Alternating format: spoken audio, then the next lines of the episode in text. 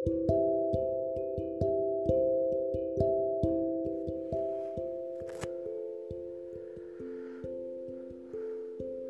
saat Mekah dilanda kekeringan yang hebat.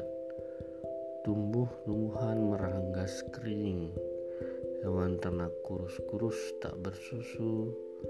Sebagian orang mulai dilanda kelaparan. Maka para pemuda Quraisy berkumpul dan berunding. Seorang di antara mereka berkata, "Mintalah pertolongan kepada Lata dan Uzza." Seorang menimpali, "Tidak, mintalah perlindungan kepada Manat, dewa yang ketiga. Setelah lama berunding dan berdebat tanpa hasil, seorang lelaki bernama Warakah ibnu Naufal, paman Hajah binti Khualid berkata, Aku berasal dari kabilah Naufal. Di antara kalian ada orang yang merupakan keturunan Ibrahim dan Ismail. Kusarankan mintalah bantuan kepadanya. Orang-orang berkata, Apakah yang kau maksud itu adalah Abu Talib? Ya, mintalah bantuan kepadanya. Mereka menyetujui saran dan beranjak pergi menemui Abu Talib yang baru saja keluar dari rumahnya mengenakan jubah kuning. Mereka berkata, Hai Abu Talib, lembah sudah mengering dan makhluk Allah dilanda dahaga bangunlah dan mohonkanlah hujan untuk kami. Abu Talib berkata, tunggulah sampai matahari tergelincir dan angin mereda. Saat matahari hampir tergelincir, Abu Talib keluar bersama seorang anak muda dengan wajah cemerlang seperti matahari di waktu duha, tetapi teduh seperti dinaungi awan. Ialah Muhammad. Ia sandarkan punggungnya pada dinding Ka'bah sambil memegang anak muda itu. Abu Talib mengangkat tangan berdoa memohon turunnya hujan. Turunkanlah hujan kepadamu, turunkanlah hujan kepada kami, wahai Tuhan kami. Kami bertawasul kepadamu dengan anak yang penuh berkah ini. Waktu itu langit bening seperti kaca, tak ada awan setelah Abu Talib berdoa, awan berhimpun, datang bergulung-gulung dari berbagai penjuru. Tak lama suara halilintar menggelegar bersautan, dan hujan pun mengguyur Mekah dan sekitarnya dengan sangat deras. Abu Talib memuji anak muda itu, menyenandungkan puisi yang terkenal.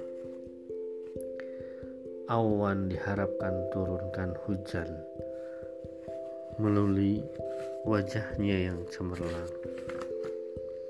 Pelindung yatim, pelindung janda.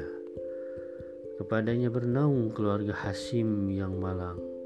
Di sisinya mereka mendapatkan kenikmatan dan kemuliaan. Kira-kira 30 tahun setelah peristiwa itu, seorang Arab Badui tergopoh-gopoh menemui Rasulullah Shallallahu Alaihi Wasallam di Madinah. Ia berkata, Wahai Rasulullah, kami datang menemuimu karena unta-unta kami tak bisa lagi melangkah dan bayi-bayi kami enggan menyusu kemudian enggan menyusu, enggan menyusui. Kemudian ia melantunkan syair. Kami lihat dada perawan tampak uratnya. Para ibu baru tak lagi menghiraukan bayinya dengan tangan menadah. Pemuda datang merendah Tubuhnya lunglai dan lemah, mulutnya membisu dan pedar. Di rumah-rumah kami tak tersisa lagi makanan selain hanzal dan bulin kasar bercampur bulu. Bagi kami selain dirimu, tak tak ada lagi tempat berlari. Ke mana lagi manusia pergi kecuali kepada sang utusan.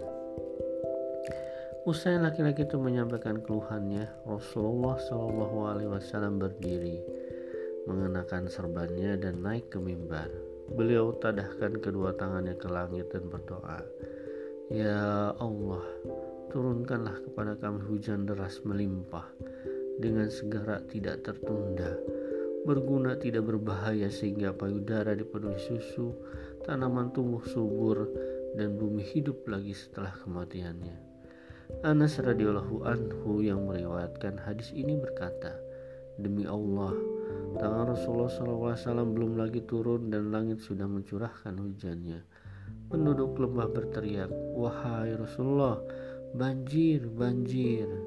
Maka Rasulullah SAW berdoa, Ya Allah, berkatilah kami, jangan siksa kami. Tiba-tiba awan berpencar ke berbagai daerah melingkari Madinah seperti mahkota. Rasulullah SAW tertawa hingga tampak gusinya dan berkata, Ya Allah, aku teringat lagi kepada Abu Talib. Sekiranya ia hidup pasti bahagia hatinya. Siapakah yang mau membacakan puisi bagiku? Allahu alam bisawab.